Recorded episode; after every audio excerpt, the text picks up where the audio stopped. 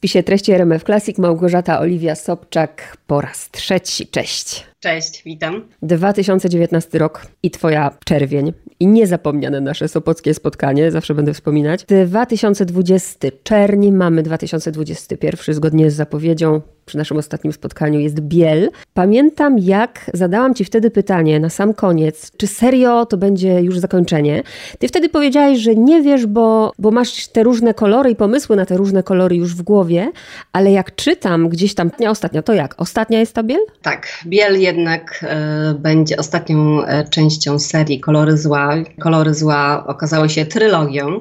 E, oczywiście te pomysły na ciąg dalszy gdzieś tam w głowie są i kolejne barwy też są, ale przyszedł czas na nową opowieść. Ta opowieść też do mnie sama przyszła, więc obecnie pracuję nad nową serią kryminalną, która również będzie się rozgrywać w Trójmieście. A Biel myślę, że dość zgrabnie zamyka całą serię. Jest ona taka najbardziej intymna, bo rozwinęłam tam wątki, które e, zasygnalizowałam jedynie w czerwieni i w czerni. Będą to wątki e, osobiste związane z przeszłością Leopolda Bilskiego.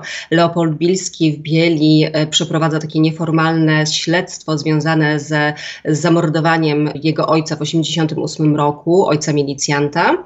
No i oczywiście w związku z tym Leopold Bilski doświadcza pewnego rodzaju transgresji, zostaje przemieniony e, wewnętrznie i myślę, że dość mocno dojrzewa na kartach bieli. I to jest chyba dobre zakończenie. Już mi odpowiedziałaś na trzy pytania, słuchaj, poczekaj, muszę sobie to pozbierać po kolei.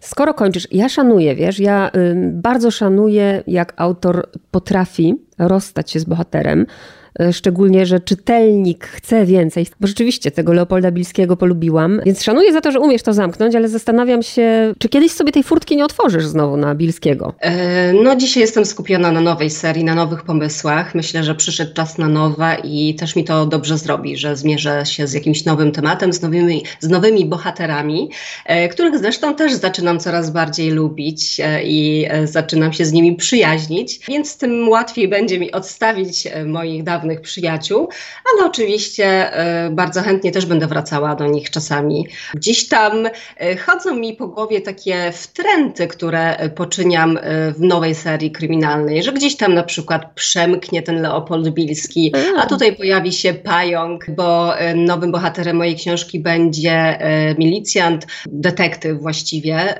policyjny, Oskar Korda i Oskar Korda pracuje w tej sam, na tej samej komendzie w Sopocie, na której pracują pająk i Kita, więc, więc to też nie będzie takie do końca rozstanie, ponieważ no, będziemy mieć tę samą przestrzeń trójmiejską, będziemy mieć e, te same motywy i toposy, będą seryjni mordercy, będzie podział na te dwie e, płaszczyzny czasowe, czas, mhm. czas teraźniejszy i czas przeszły.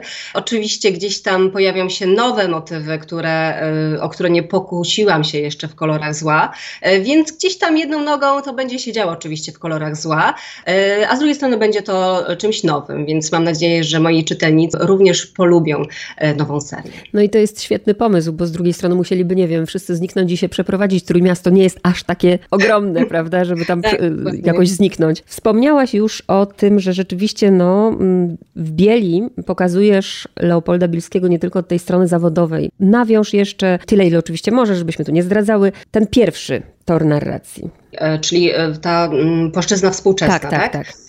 E, tak, w Bieli będziemy mieć e, trzy zagadki kryminalne do rozwiązania. Jedne takie mniej, e, no, mniej bardziej czytelne, drugie mniej czytelne i łatwiejsze do rozwiązania. Jedne trudniejsze, jedne łatwiejsze, wydaje mi się. I na tej współczesnej płaszczyźnie będą dwie zagadki kryminalne. To znaczy, będziemy mieć sprawę kobiety, która popełnia samobójstwo, wyskakuje oknem, ale na jej ciele są ślady wcześniejszego molestowania podduszenia, więc podpada to pod paragraf. W związku z tym Leopold Bilski będzie starał się dowiedzieć, e, co zaszło przed jej śmiercią, śmiercią i co pchnęło ją do skoku. E, z drugiej strony Leopold Bilski, tak jak wspomniałam, będzie musiał skonfrontować się z, z własną przeszłością, e, odkryje tajemnice rodzinne, a tym samym odkryje w pewnym, e, w pewnym stopniu również samego siebie.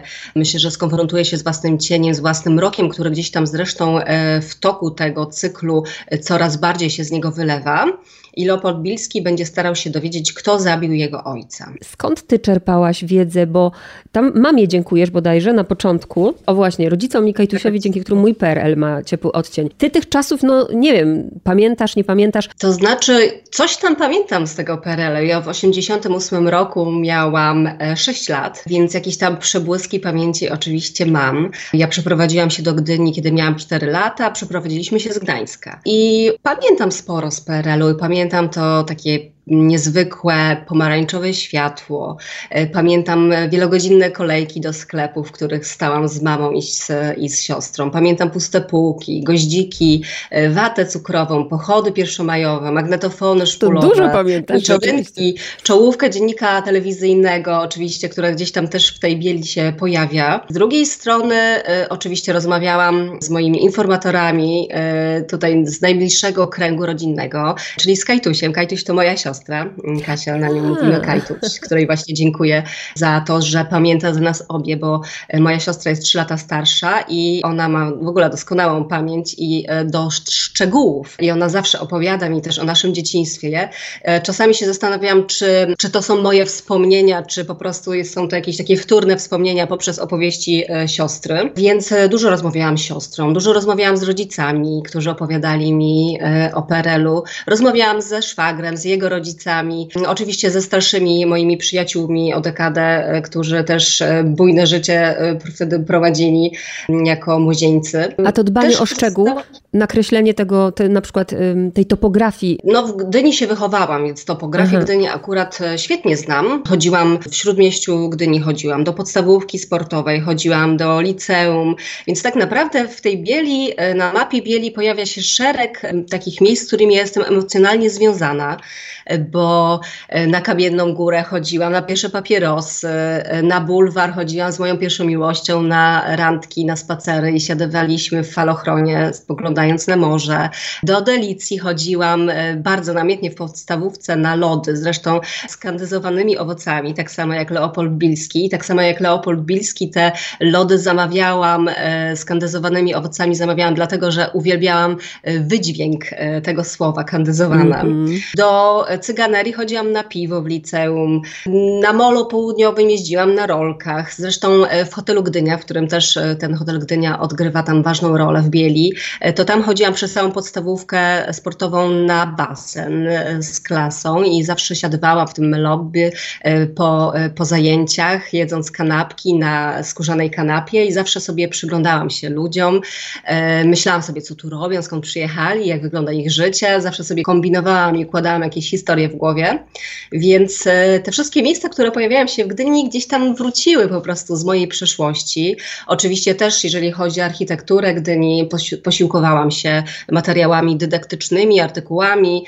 Na szczęście o Gdyni modernistycznej jest bardzo dużo fajnych materiałów, więc e, wszystkie budynki partykularne są bardzo fajnie, szczegółowo opisane, więc również e, patrzyłam sobie, jak, w jaki sposób te budynki są opisane, żeby jak najwierniej oddać te kamienie z drugiej strony trzeba przyznać, że ja na nowo odkryłam tę moją Gdynię, w której niemal całe życie mieszkałam, bo tak to chyba jest, że jak coś e, widzimy na co dzień, e, to ta rutyna i codzienność nam przysłaniają wiele szczegółów i drobiazgów. I tak to jest, że niby wzrok e, pracuje, ale nie wysyła tego bodźca do specjalnego, konkretnego obszaru w mózgu, który jest odpowiedzialny za zachwyt, za poczucie estetyki.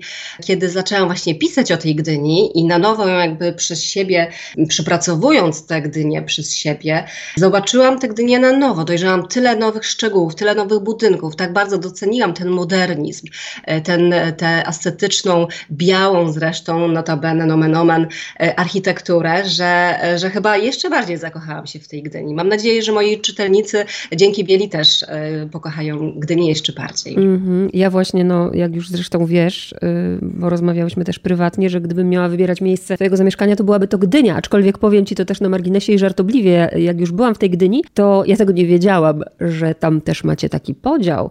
Ci z Sopotu uważają się za najlepszych.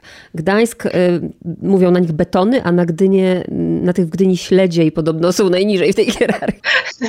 O kurczę, to wiesz co, nawet nie wiedziałam o tej klasyfikacji, y, bo ja zawsze mm, traktuję y, Trójmiasto jak jedność, zawsze to podkreślam, że dla mnie to jest jedność. Oczywiście te miasta się różnią od siebie y, właśnie tą przestrzenią i, i też no, ludzie chyba, którzy wychowali się w Gdyni, w Sopocie i w Gdańsku też mają troszeczkę inną mentalność, na pewno gdzieś tam, która zasadza się w tej klasyfikacji, o której wspomniałaś, ale z drugiej strony w Trójmieście jest takie przemieszanie tych wszystkich ludzi, że jest tak, że to wcale nie jest tak, że na przykład gdańszczanie imprezują w Gdańsku, a Sopocianie w Sopocie, tylko naprawdę e, ludzie z Gdyni przyjeżdżają do Gdańska imprezować, e, do Sopotu przyjeżdżają ci z Gdańska i to jest no jakby ciężko mi jest też rozróżnić, mm -hmm. rozróżnić te grupy społeczne, ale no ja zawsze je traktuję jak jedność. Myślę, że nie ma aż takich na co dzień zauważalnych podziałów. Mnie to bardzo cieszy, że nie szukasz dalej i ucieszyłam się, kiedy usłyszałam, że ta twoja nowa seria też będzie w Trójmieście, bo to jest bardzo fajne. Zatęskniłam za Gdynią, jak teraz właśnie w Bieli o niej czytałam. Pamiętam też, jak rozmawiałyśmy, to już jeszcze przy Czerwieni, że e, ta cała fikcja, która jest, nie bierze się znikąd. Pamiętam o artykule, czytam o jakimś reportażu w telewizji, który cię wtedy zatrzymał. Chciałabym zapytać, co jest naszpikowane faktami w Bieli? W Bieli pojawia się szereg faktów historycznych, e, które odwołują się do rzeczywistości perelowskiej. E, są to przede wszystkim fakty związane ze środowiskiem mewek trójmiejskich, czyli tych prostytutek trójmiejskich, e, z funkcjonowaniem milicji, z funkcjonowaniem mafii trójmiejskiej. Przede wszystkim ja bardzo mocno wykorzystałam motyw funkcjonowania w Gdańsku pod koniec w latach 80., w sumie w połowie lat 80., takiej grupy złodziei w mundurach, czyli grupy milicjantów, takiego gangu, który e, określany był jako Amerykanie. Amerykanie to właśnie były, byli milicjanci z Wydziału Kryminalnego Miejskiego Urzędu Spraw Wewnętrznych i oni podporządkowali sobie paserów, e, waluciarzy, pobierali haracze od prostytutek. Tak naprawdę nikt nie mógł sprzedawać złota i srebra bez e, jakby ich kontroli. Oni również odstępowali od spraw prowadzonych, kiedy ktoś im zapłacił. Często grabili te mieszkania, na przykład, w których dokonywali rewizji. E, I właśnie te, ten wątek funkcjonowania Amerykanów ja wykorzystałam, ale oczywiście e, wplotłam to e, zupełnie w fikcję, więc no też nie można jakby tego brać tak dosłownie. Przykładowo gang Amerykanów został rozpracowany w 1985 roku. Zresztą ta operacja miała kryptonim Elegant, natomiast w mojej książce nadałam tutaj kryptonim Gentleman i od tego gentlemana również stworzyłam specjalną postać, którą e, określiłam jako gentleman. On jest taką emanacją tego całego systemu e, łączonego, e, łączącego mafię, prostytucję i milicję. A u mnie na przykład w 1988 roku ten gang Amerykanów nadal prężnie funkcjonuje, więc jakby tutaj były takie, dokonałam takiego przesunięcia na potrzeby mojej fabuły. Również na przykład postać, która jest określana w książce jako kwadratowa, jest też postacią zaczerpniętą z PRL-u, zaczerpniętą z historii. Kwadratowa to, to była prostytutka, która wskazywała milicjantom jakieś mieszkania innych prostytutek, które wiedziała, że mają zgromadzone pieniądze albo miały więcej jakiejś biżuterii i milicjanci wchodzili do tych mieszkań i, i grabili. I faktycznie też była taka historia, że kiedyś e, jakaś prostytutka ich przyłapała w swoim własnym mieszkaniu i, i, i powiedzieli, że jak cokolwiek tam zdradzi, to, to będzie mogła się pożegnać z życiem. E, więc e, takie właśnie motywy, motywiki zostały inkorporowane właśnie do mojej mm. bieli, ale jest to, tak jak powtórzyłam jeszcze w posłowiu, podkreśliłam, zupełnie fikcyjna fabuła. To, co było, no wydaje się 85, 88, że to było dawno, ale no jak kiedy pomyślę, to są ludzie, którzy no spokojnie żyją jeszcze dzisiaj. Może nie dotykać lepiej takich tematów. Yy, wiesz, dopiero teraz mi to uświadomiłaś. że ktoś tam może to przeczytać i, i ktoś, kto należał być może do Amerykanów. Wiesz co, chyba nie jest to aż tak też e, jakiś nowum, e, bo o tych Amerykanach też e, powstały już opracowania monograficzne. Ja korzystałam z dwóch opracowań IPN-owskich, to jest Brudne Wspólnoty, które no, jest to monografia pod redakcją między innymi Daniela Vincentego, z którym ja zresztą nawiązałam kontakt i Daniel Vincenty mi służył tutaj wskazówkami, jeżeli chodzi o funkcjonowanie milicjantów w Gdańsku. I książka Społeczeństwo Polskie w latach 89-90 i tam właśnie można odnaleźć kilka artykułów, które literalnie opisują działalność Amerykanów. E, ja właśnie stamtąd zaczerpnęłam szereg faktów, e, więc e, no myślę, że to nie jest już jakieś takie zagadnienie, problematyka, która, której nie można by było roztrząsać. Myślę, że bardziej to funkcjonowanie mafii jest nadal mhm. dla mnie takie troszeczkę bardziej złowieszcze i e, jeżeli chodzi o mafię i o te fakty związane z mafią, to nadal tutaj mocno zawsze nawiązuje jakimiś tam naprawdę delikatnymi elementami, bo tutaj też nawiązałam troszeczkę taki do elementu funkcjonowania mafii Nikosia, tej mafii samochodowej w latach -hmm. 80. E, i do postaci Nikosia, na której troszeczkę wzorowała mojego dżentelmena, ale tak naprawdę tylko jeżeli chodzi o niuanse, bo, e, bo szczerze mówiąc to e, bardziej bym się bała tutaj zadrzeć z tym środowiskiem. No właśnie. I też o tym pomyślałam, że jednak jakby nie było, no niechlubne są te, wszyscy w Polsce wiemy hasło kluby, Sopot, Krystek, takie, prawda, mhm. Y, hasła. Uświadomiłam sobie, jak czytałam twoją książkę, w jakiej ja bańce żyję. Jak dla mnie wydawało się to taką fikcją. Ja mam na myśli, też za dużo nie zdradzać, ale mam na myśli kluby swingerskie. Mhm, tak.